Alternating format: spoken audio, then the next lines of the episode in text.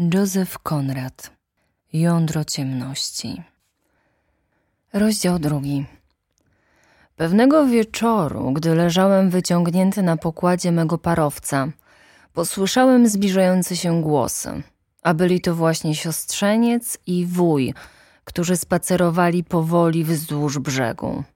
Oparłem znów głowę na ramieniu i popadłem już prawie w drzemkę, gdy ktoś powiedział mi prawie do ucha – Jestem łagodny jak nowonarodzone dziecię, ale nie lubię, aby mi dyktowano, co mam robić. Jestem dyrektorem, czy nie jestem? Kazano mi go tam posłać. To wprost niesłychane. Zdałem sobie sprawę, że ci dwaj stoją na wybrzeżu u przodu statku, tuż pod moją głową. Nie poruszyłem się wcale. Nie przyszło mi na myśl się ruszyć, chciało mi się spać. To przykre, doprawdy, mruknął wuj. Prosił zarząd, aby go tam wysłano, odrzekł tamten, bo chciał pokazać, co potrafi. Dostałem też odpowiednie polecenie. Niech wuj pomyśli, jakie ten człowiek musi mieć wpływy. Czy to nie straszne? Uznali to obaj za straszne i rozmawiali dalej, wypowiadając różne dziwaczne uwagi. Wodzi wszystkich na pasku. Jeden człowiek radę. Za nos. Te kawałki bezsensownych zdań przezwyciężyły moją senność, tak że byłem prawie zupełnie przytomny, gdy wuj powiedział: Klimat może usunąć ci z drogi tę przeszkodę. Czy on tam jest sam? Tak odrzekł dyrektor. Odesłał swego pomocnika w dół rzeki z krótkim listem do mnie tej treści. Niech pan wyprawi stąd tego nieboraka i nie kłopocza się przysyłaniem mi innych w tym samym rodzaju. Wolę być sam, niż mieć koło siebie kogoś z ludzi, których pan ma pod ręką. To było przeszło rok temu. Czy może sobie wuj wyobrazić podobną bezczelność? Od tamtego czasu spytał drugi ochrypłym głosem. Kość słoniowa. Żachnął się siostrzeniec. Całe mnóstwo kości słoniowej w najlepszym gatunku. To wprost nieznośne. Wszystko od niego. A z kością słoniową? Dopytywał się gruby, dudniący głos. Faktury! Wypalił siostrzeniec w odpowiedzi. Zapadło milczenie. Mówili o kurcu. Byłem już wtedy zupełnie rozbudzony, ale leżałem sobie wygodnie bez ruchu, nie mając powodu do zmiany pozycji. Jakże ta kość słoniowa przejechała taki kawał drogi? Burknął starszy, widać mocno zirytowany. Tamten wyjaśnił, że przywiozła ją flotylla łódek pod wodzą angielskiego urzędnika, mulata, którego Kurz miał z sobą – że Kurz zamierzał widocznie sam przyjechać, ponieważ jego stacja była już wówczas ogołocona z towarów i zapasów, ale po przebyciu 300 mil postanowił nagle wrócić i wyruszył z powrotem sam jeden w niewielkiej łódce z czterema wioślarzami, zostawiając kość słoniową pod opieką mulata, który pojechał dalej w dół rzeki. Obaj faceci na brzegu wydawali się zdumieni, że ktoś mógł się ważyć na coś podobnego. Nie mogli odgadnąć, dlaczego Kurz tak podstąpił. Co do mnie, wydało mi się, że widzę go po raz pierwszy. Obraz był wyraźny. Łódka, czterech dzikich wioślarzy i samotny biały, który odwraca się nagle od głównej kwatery, od wypoczynku, a może i od myśli o domu który zdąża ku głębiom dziczy, ku swej pustej i opuszczonej stacji. Nie wiedziałem, dlaczego to zrobił. Może był to po prostu dzielny człowiek, który miał zamiłowanie do swej pracy. Oczywiście jego nazwisko nie zostało wymienione ani razu. Mówili o nim po prostu jako o tym człowieku. Mulata, który, o ile mogłem wyrozumieć, poprowadził ciężką wyprawę z wielką roztropnością i odwagą, nazywali stale łajdakiem.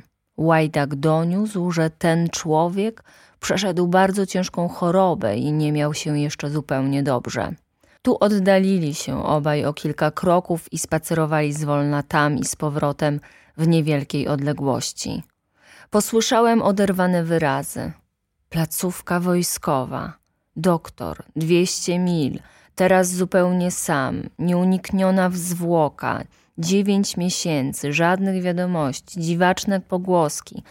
Zbliżyli się znów właśnie w chwili, gdy dyrektor mówił: Nikt, o ile wiem, chyba że taki tam jeden, coś w rodzaju wędrownego kupca, cholerny drab zamiatający dzikim sprzed nosa kość słoniową. O kimże teraz mówili?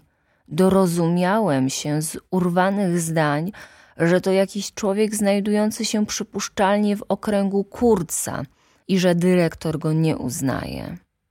Nie pozbędziemy się nieuczciwej konkurencji, póki się nie powiesi dla przykładu jednego z tych drabów, rzekł. Naturalnie, mruknął drugi. Powiesić go i koniec. Czemu nie? Wszystko, wszystko można zrobić w tym kraju. To właśnie chcę powiedzieć. Nikt tutaj, rozumiesz, tutaj nie może zachwiać twojego stanowiska. A dlaczego? Bo wytrzymujesz ten klimat, przetrwasz ich wszystkich. Niebezpieczeństwo jest w Europie, ale tam już się postarałem przed wyjazdem, aby. Oddalili się, szepcząc. Potem głosy ich podniosły się znowu. Te wszystkie nieprzewidziane opóźnienia nie są moją winą. Robiłem co mogłem. Grubas westchnął. To bardzo smutne. A ta jego głupia, obmierzła gadanina, ciągnął drugi, dokuczył mi porządnie podczas swego pobytu. Rozpowiadał, że stacja powinna być jakby pochodnią na drodze ku lepszemu jutru, ośrodkiem handlu także, rzecz prosta, ale przy tym i humanitaryzmu, postępu, oświaty. Czy wuj to pojmuje? Co za osioł? I ten chce być dyrektorem. Nie, to jest. Zatknęło go z oburzenia.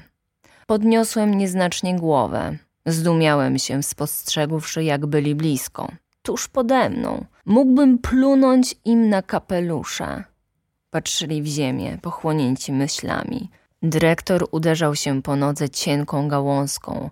Jego sprytny krewniak podniósł głowę. A czujesz się dobrze od ostatniego przyjazdu? Zapytał. Tamten drgnął. Kto, ja? Och, jak ryba, jak ryba.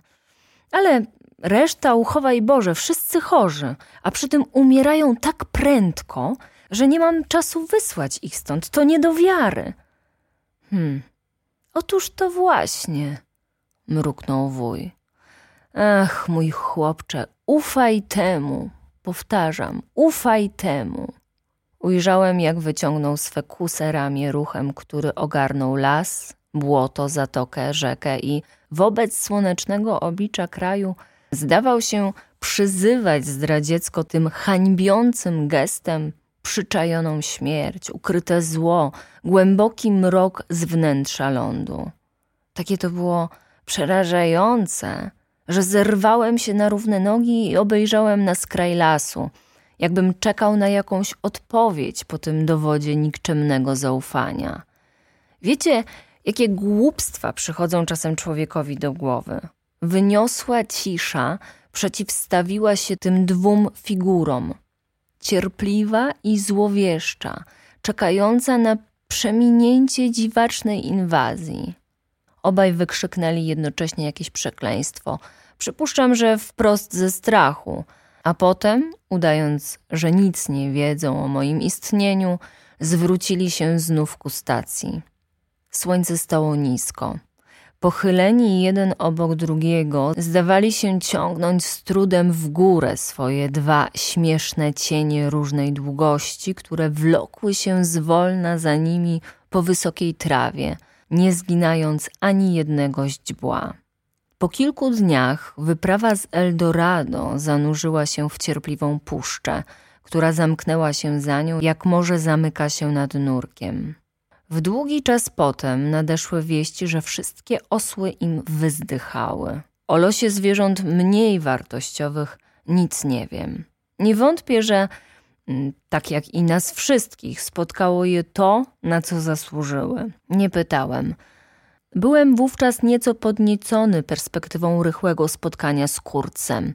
Mówię rychłego we względnym znaczeniu. Minęły okrągłe dwa miesiące od chwili opuszczenia zatoki, gdy dotarliśmy do brzegu poniżej stacji Kurca. Jazda w górę rzeki była jakby podróżą wstecz do najwcześniejszych początków świata, gdy roślinność hulała sobie po ziemi, a królowały wielkie drzewa.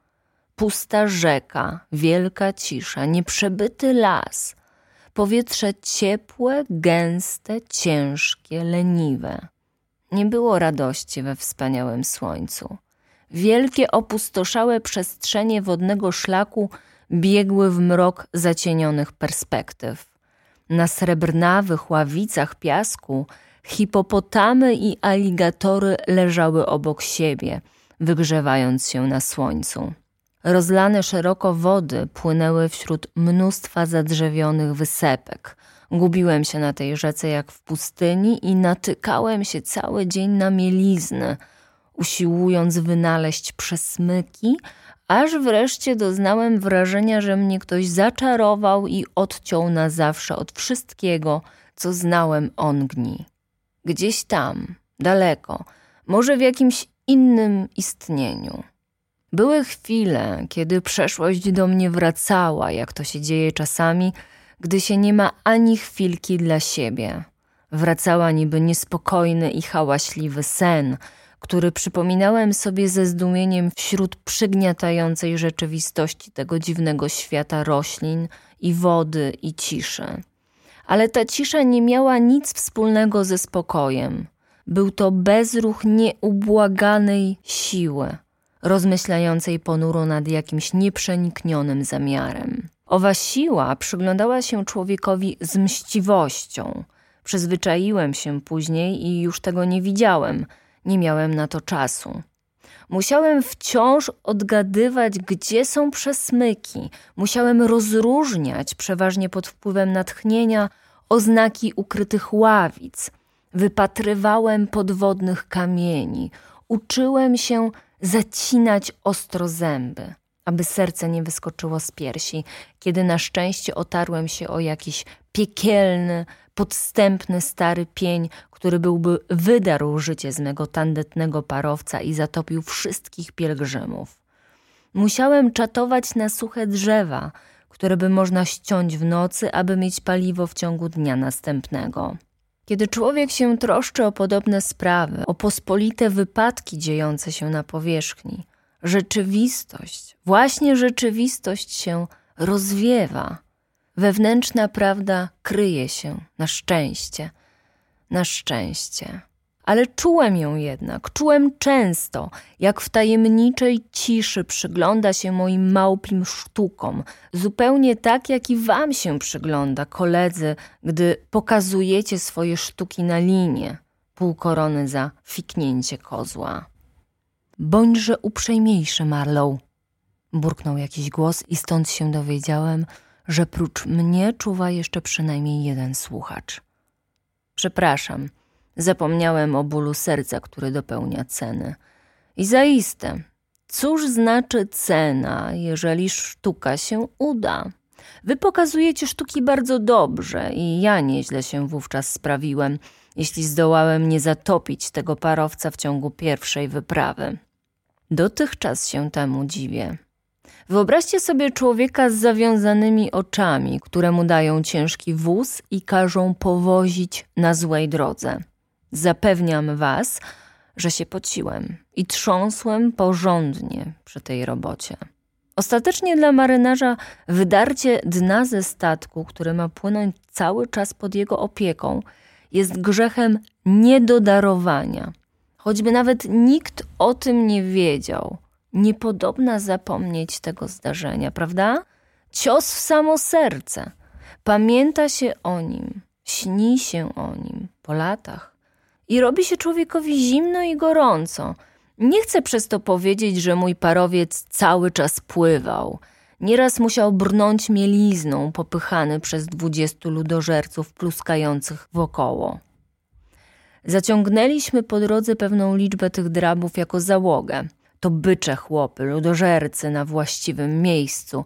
Z tymi ludźmi można było pracować. Jestem im za to wdzięczny. I ostatecznie Nie zjadali się nawzajem w mych oczach. Mieli zapas mięsa z hipopotama, które zepsuło się w drodze, wskutek czego tajemnica dziczy zaczęła nam cuchnąć pod nosem.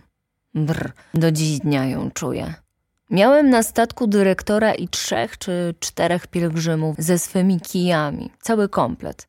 Czasem napotykaliśmy stację handlową tuż przy brzegu, uczepioną krawędzi nieznanego, a biali ludzie, którzy wypadali z walącej się lepianki, wymachując na powitanie rękoma z radością i zdumieniem, robili wrażenie bardzo dziwne, jakby czar jakiś trzymał ich tam na uwięzi. Słowo kość słoniowa rozbrzmiewało w powietrzu i odpływaliśmy znów w ciszę wzdłuż pustych rzecznych obszarów, okrążając spokojnie zakręty między wysokimi ścianami wijącej się drogi, które odbijały głucho ciężki rytm napędowego koła. Drzewa i drzewa, miliony drzew masywnych, olbrzymich, strzelających w górę – a u ich stóp pełzł przeciw prądowi tuż przy brzegu mały, umorusany sadzą parowiec, jak ociężały chrząszcz łażący po posadce wyniosłego portyku. Człowiek czuł się bardzo mały i zagubiony, a jednak to uczucie nie było właściwie przygnębiające. Wprawdzie byliśmy mali, ale umorusany chrząszcz pełzł naprzód, czego się właśnie od niego wymagało. Dokąd pełzł w pojęciu pielgrzymów, nie umiem powiedzieć. Założyłbym się, że do jakiegoś miejsca, gdzie się spodziewali coś dostać. Dla mnie pełzł wyłącznie w stronę Kurca, ale gdy rury zaczęły ciec, posuwaliśmy się bardzo powoli. Droga otwierała się przed nami i zamykała za nami, jakby las wkraczał powoli w wodę, by zagrodzić nam powrót. Przenikaliśmy wciąż głębiej i głębiej w jądro ciemności. Bardzo tam było spokojnie. Czasami nocą warkot bębnów za zasłoną drzew biegł w górę rzeki i trwał w słabym odgłosie do brzasku, jakby się unosił wysoko w powietrzu nad naszymi głowami. Nie wiedzieliśmy, czy oznacza wojnę, pokój czy modlitwę. Przed samym świtem zapadała chłodna cisza – Drwale spali, ogniska ich przygasały. Człowiek się zrywał na trzask gałązki. Wędrowaliśmy po prehistorycznej ziemi, po ziemi mającej wygląd nieznanej planety. Mogliśmy sobie wyobrazić, że jesteśmy pierwszymi ludźmi biorącymi w posiadanie jakiś przeklęty spadek, którym można zawładnąć tylko za cenę dojmującej udręki niezmiernego znoju. I nagle Gdyśmy okrążali z trudem jakiś zakręt, ukazały się ściany z sitowia, spiczaste dachy strawy, wybuchał wrzask, kłębił się wir czarnych członków, klaszczących rąk, tupiących nóg, rozkołysanych ciał, oczu przewracających białkami, pod nawisłym listowiem, ciężkim i nieruchomym. Parowiec sunął z trudem, mijając powoli jakiś ponury i niepojęty wybuch szału.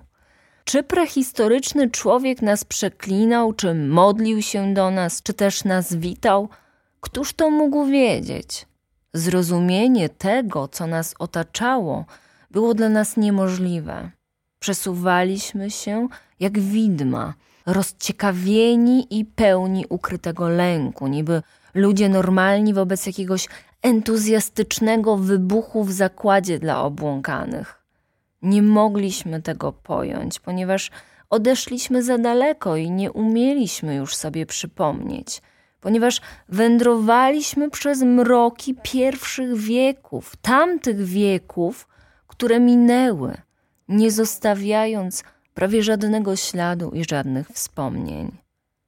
Ziemia nie wydawała się ziemska.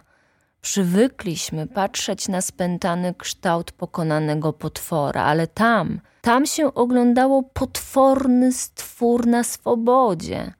Ziemia nie była ziemską, a ludzie byli. Nie, ludzie nie byli nieludzcy. Widzicie, otóż to było najgorsze ze wszystkiego podejrzenie, że oni nie są nieludzcy.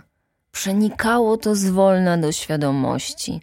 Wyli i skakali, kręcili się i wykrzykiwali straszliwie, a najbardziej z wszystkiego przejmowała mnie właśnie myśl o ich człowieczeństwie, takim samym jak moje. Myśl o tym odległym powinowactwie z tym dzikim, namiętnym wrzaskiem. Brzydactwo. Tak, to było dość brzydkie, ale jeśli człowiek miał w sobie dość męstwa, musiał przyznać w duchu, że jest w nim jakiś najniklejszy ślad odzewu na przerażającą szczerość tego zgiełku, jakieś mgliste podejrzenie, iż to ma pewien sens, który by można zrozumieć mimo tak wielkiego oddalenia od mroku pierwszych wieków. I dlaczego by nie? Dusza ludzka jest zdolna do wszystkiego, ponieważ zawiera w sobie wszystko, zarówno przeszłość, jak przyszłość. Cóż nam było właściwie? Radość, przestrach, smutek, ofiarność, męstwo czy wściekłość któż to mógł powiedzieć? Ale była tam prawda. Prawda bez maski czasu. Niech głupiec się gapi i wzdryga. Człowiek świadomy życia rozumie i może patrzeć bez zmrużenia powiek, ale musi być choćby na tyle człowiekiem, co ci z wybrzeża. Musi przeciwstawiać ich prawdzie to, co w nim jest istotnie prawdziwe, własną, wrodzoną siłę. Zasady tu nic nie pomogą. To nabytek, strój, ozdobne łachmany. Łachmany, które z niego opadną przy pierwszym porządnym wstrząsie. Nie, tu trzeba sobie powtórzyć własne swoje credo. Czy ten piekielny wrzask znajduje we mnie jakiś oddźwięk? Wsłuchuję się, przyznaję, że tak, ale ja także mam głos i czy moje zdanie jest słuszne, czy nie, słów moich zagłuszyć nie można. Oczywiście, że głupiec i to zastraszony w dodatku, a przy tym pełen wzniosłych uczuć, będzie zawsze bezpieczny. Któż to tam mruczy? Dziwicie się, że nie wysiadłem na brzeg, aby trochę powyć i potańczyć? Otóż nie, nie wysiadłem. Wzniosłe uczucia, mówicie. Do licha ze wzniosłymi uczuciami. Nie miałem po prostu czasu. Musiałem się babrać z bielą ołowianą i szmatami z wełnianej kołdry, pomagając obwijać te cieknące rury parowe. Tak, moi drodzy, musiałem pilnować steru i wymijać pnie i za wszelką cenę prowadzić naprzód tandetny grad. W tym wszystkim było dość konkretnej rzeczywistości, aby ocalić i mędrszego ode mnie człowieka. A w wolnych chwilach musiałem doglądać dzikusa, który sprawował obowiązki palacza. Był to okaz udoskonalony. Miał palić pod pionowym kotłem. Tkwił w dole pode mną i słowo daje. Jego widok oddziaływał równie budująco, jak oglądanie psa w majtkach i kapeluszu z piórem, chodzącego na tylnych łapach. Parę miesięcy tresury dało radę temu istotnie zdolnemu chłopu. Zerkał na manometr i szkło wodowskazowe, siląc się najwidoczniej na odwagę, a przy tym miał nieborak spiłowane zęby, kędzierzawy łeb golony w dziwne desenie i trzy ozdobne blizny na każdym policzku. Powinien był klaskać i tupać na brzegu, a zamiast tego pracował ciężko. Niewolnik dziwacznych czarów, pełen coraz doskonalszej wiedzy. Był użyteczny, ponieważ go wyszkolono, a oto na czym polegała jego wiedza. Gdyby woda znikła z tej przezroczystej rzeczy, zły duch wewnątrz kotła wpadłby w gniew z powodu wielkiego pragnienia i zemściłby się straszliwie. To też palacz pocił się i podsycał ogień i śledził szkło z lękiem. Ramię miał obwiązane zaimprowizowanym talizmanem z gałganków, w dolnej jego wardze tkwił wygładzony krążek kości słoniowej wielkości zegarka. A tymczasem mijaliśmy powoli zarośnięte brzegi, krótki zgiełk ucichał, nastawała znów cisza ciągnąca się przez nieskończone mile i pełzliśmy naprzód w stronę Kurca. Ale pnie tkwiły w rzece gęsto, woda była zdradliwa i płytka.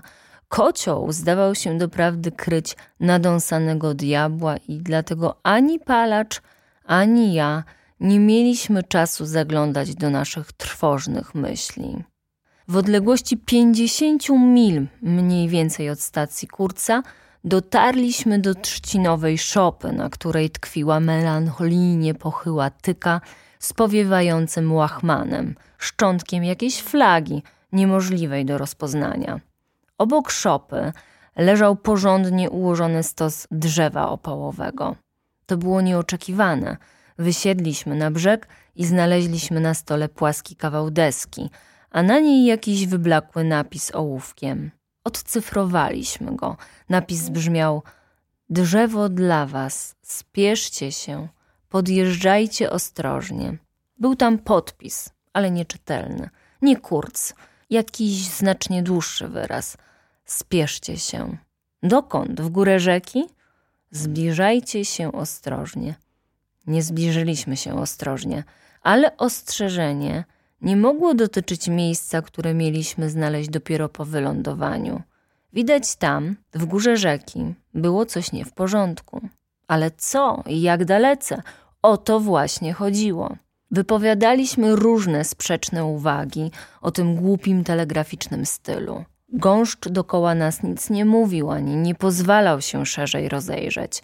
Podarta firanka z czerwonego płótna w desenie wisiała w drzwiach szopy i trzepotała się markotnie koło naszych twarzy. Mieszkanie było ogołocone ze sprzętów, ale snać jakiś biały mieszkał tam niezbyt dawno. Pozostał prymitywny stół, deska na dwóch pniakach, kupa śmieci leżała w ciemnym kącie, a koło drzwi podniosłem z ziemi książkę. Nie miała okładki, kartki jej od częstego użytku stały się niezmiernie brudne i miękkie, ale grzbiet zeszyto troskliwie na nowo białą bawełną, która wyglądała jeszcze czysto. Znalezienie tej książki było czymś nadzwyczajnym.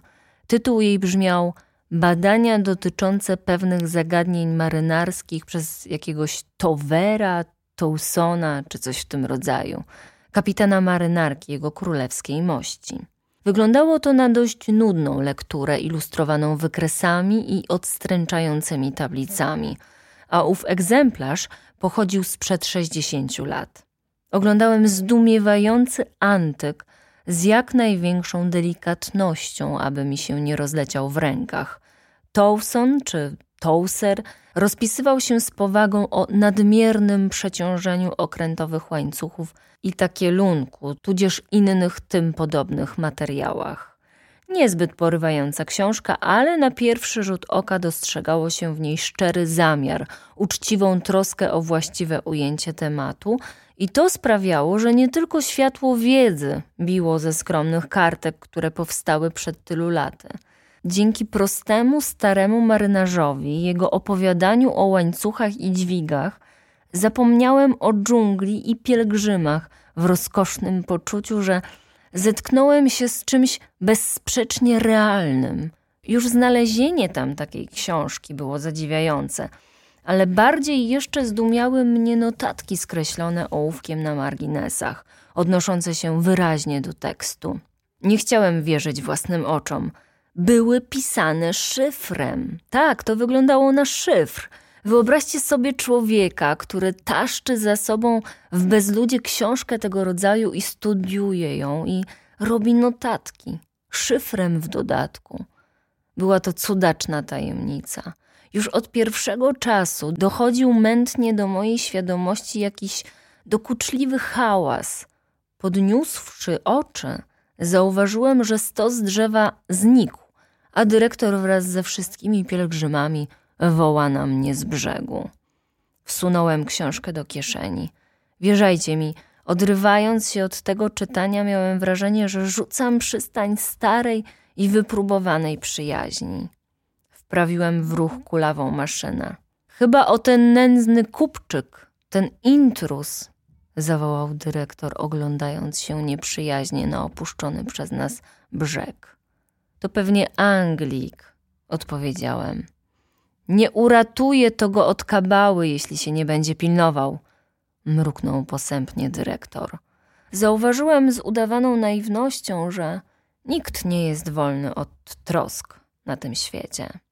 Prąd stał się bardziej wartki, parowiec zdawał się dyszeć ostatkiem sił, napędowe koło opadało leniwie i uprzytomniłem sobie, że czekam z zapartym oddechem na następny ruch statku, gdyż Bogiem a prawdą spodziewałem się, iż nędzny gruchot utknie lada chwila. Było to jakby śledzenie ostatnich przebłysków życia, ale pełzliśmy nadal.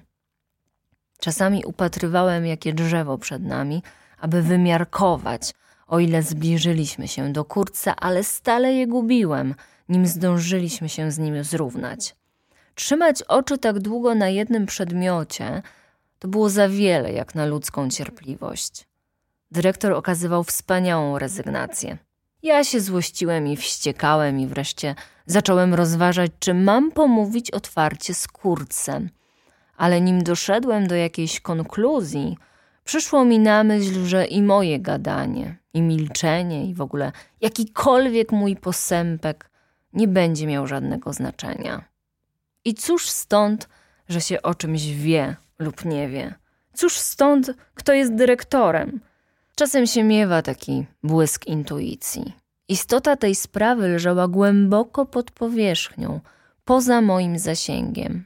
Nie mogłem wpłynąć na jej przebieg. Następnego dnia pod wieczór obliczyliśmy, że się znajdujemy w odległości jakichś ośmiu mil od stacji Kurca. Chciałem jechać dalej, ale dyrektor powiedział mi z poważną miną, że droga tam w górę jest tak niebezpieczna, iż byłoby wskazane czekać na miejscu do rana. Tym bardziej, że słońce stoi już bardzo nisko. Przy tym, jeśli mamy korzystać z przestrogi i zbliżyć się ostrożnie do stacji, musimy to uczynić za dnia, a nie o zmierzchu lub w ciemności. To było wcale rozsądne. Osiem mil oznaczało dla nas prawie trzy godziny jazdy, a w górze na rzece można było dostrzec podejrzane zmarszczki. Mimo to czułem się nad wyraz rozdrażniony tą zwłoką i to najnierozsądniej w świecie, gdyż po tylu miesiącach jedna noc więcej nie mogła już wiele zaważyć. Ponieważ mieliśmy drzewa pod dostatkiem, a ostrożność była naszym hasłem, zapuściłem kotwicę w środku rzeki. Koryto było wąskie, strome, z wysokimi brzegami jak przekop kolejowy. Zmierzch wślizgnął się doń na długo przed zachodem słońca. Prąd biegł gładko i szybko, ale na obu brzegach panował niemy bezruch. Mogło się zdawać, że żywe drzewa powiązane pnączami i każdy żywy krzew w podszyciu obróciły się w kamień, aż do najwątlejszej gałązki, do najlżejszego listka. To nie robiło wrażenia snu. Wszystko wyglądało nienaturalnie, jak pogrążone w jakimś transie. Nie słyszało się najlżejszego szmeru. Człowiek patrzył zdumiony i zaczynał podejrzewać, że jest głuchy. A potem przychodziła nagle noc i jeszcze oślepiała w dodatku. Około trzeciej nad ranem wyskoczyła na powierzchnię jakaś wielka ryba. Wzdrygnąłem się na ten głośny plusk, jakby strzelono z armaty. Gdy słońce wzeszło, pojawiła się biała mgła, bardzo ciepła i lepka, a oślepiająca bardziej niż noc. Nie poruszała się ani nie sunęła, tkwiła po prostu na miejscu, otaczając nas niby coś masywnego. Około ósmej, a może i dziewiątej, podniosła się jak okiennica. Ujrzeliśmy na chwilę spiętrzoną masę drzew, olbrzymią pogmatwaną dżunglę i wiszącą nad nią małą kulę słońca. Wszystko stężało w bezruchu, po czym biała okiennica zsunęła się gładko na powrót jak na naoliwionych kółkach.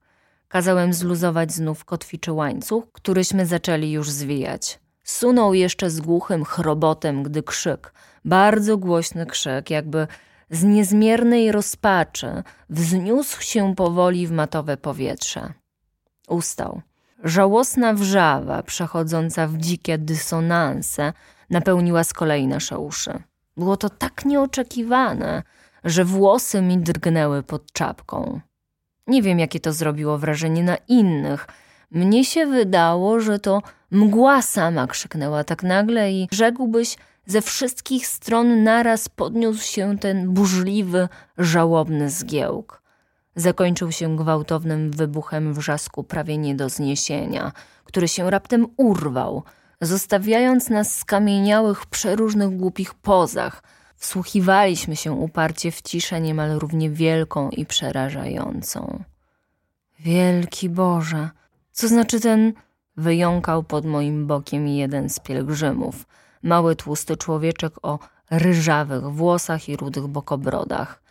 Miał wciągnięte buty na gumach i różową piżamę, a spodnie wetknięte w skarpetki. Dwaj jego towarzysze trwali przez całą minutę z rozdziawionymi gębami, po czym rzucili się do małej kajuty, wypadli z niej natychmiast i stanęli rozglądając się z przerażeniem i trzymając winczestery w pogotowiu. Mogliśmy dojrzeć jedynie nasz parowiec o konturach tak zamazanych, jakby się miał za chwilę rozpłynąć i mglisty pas wody szerokości około dwóch stóp naokoło statku. To było wszystko. Reszta świata nie istniała, jeśli mieliśmy wierzyć oczom i uszom. Po prostu nie istniała. Znikła, przepadła, została zmieciona, nie zostawiając za sobą szmeru ni cienia. Ciąg dalszy nastąpi.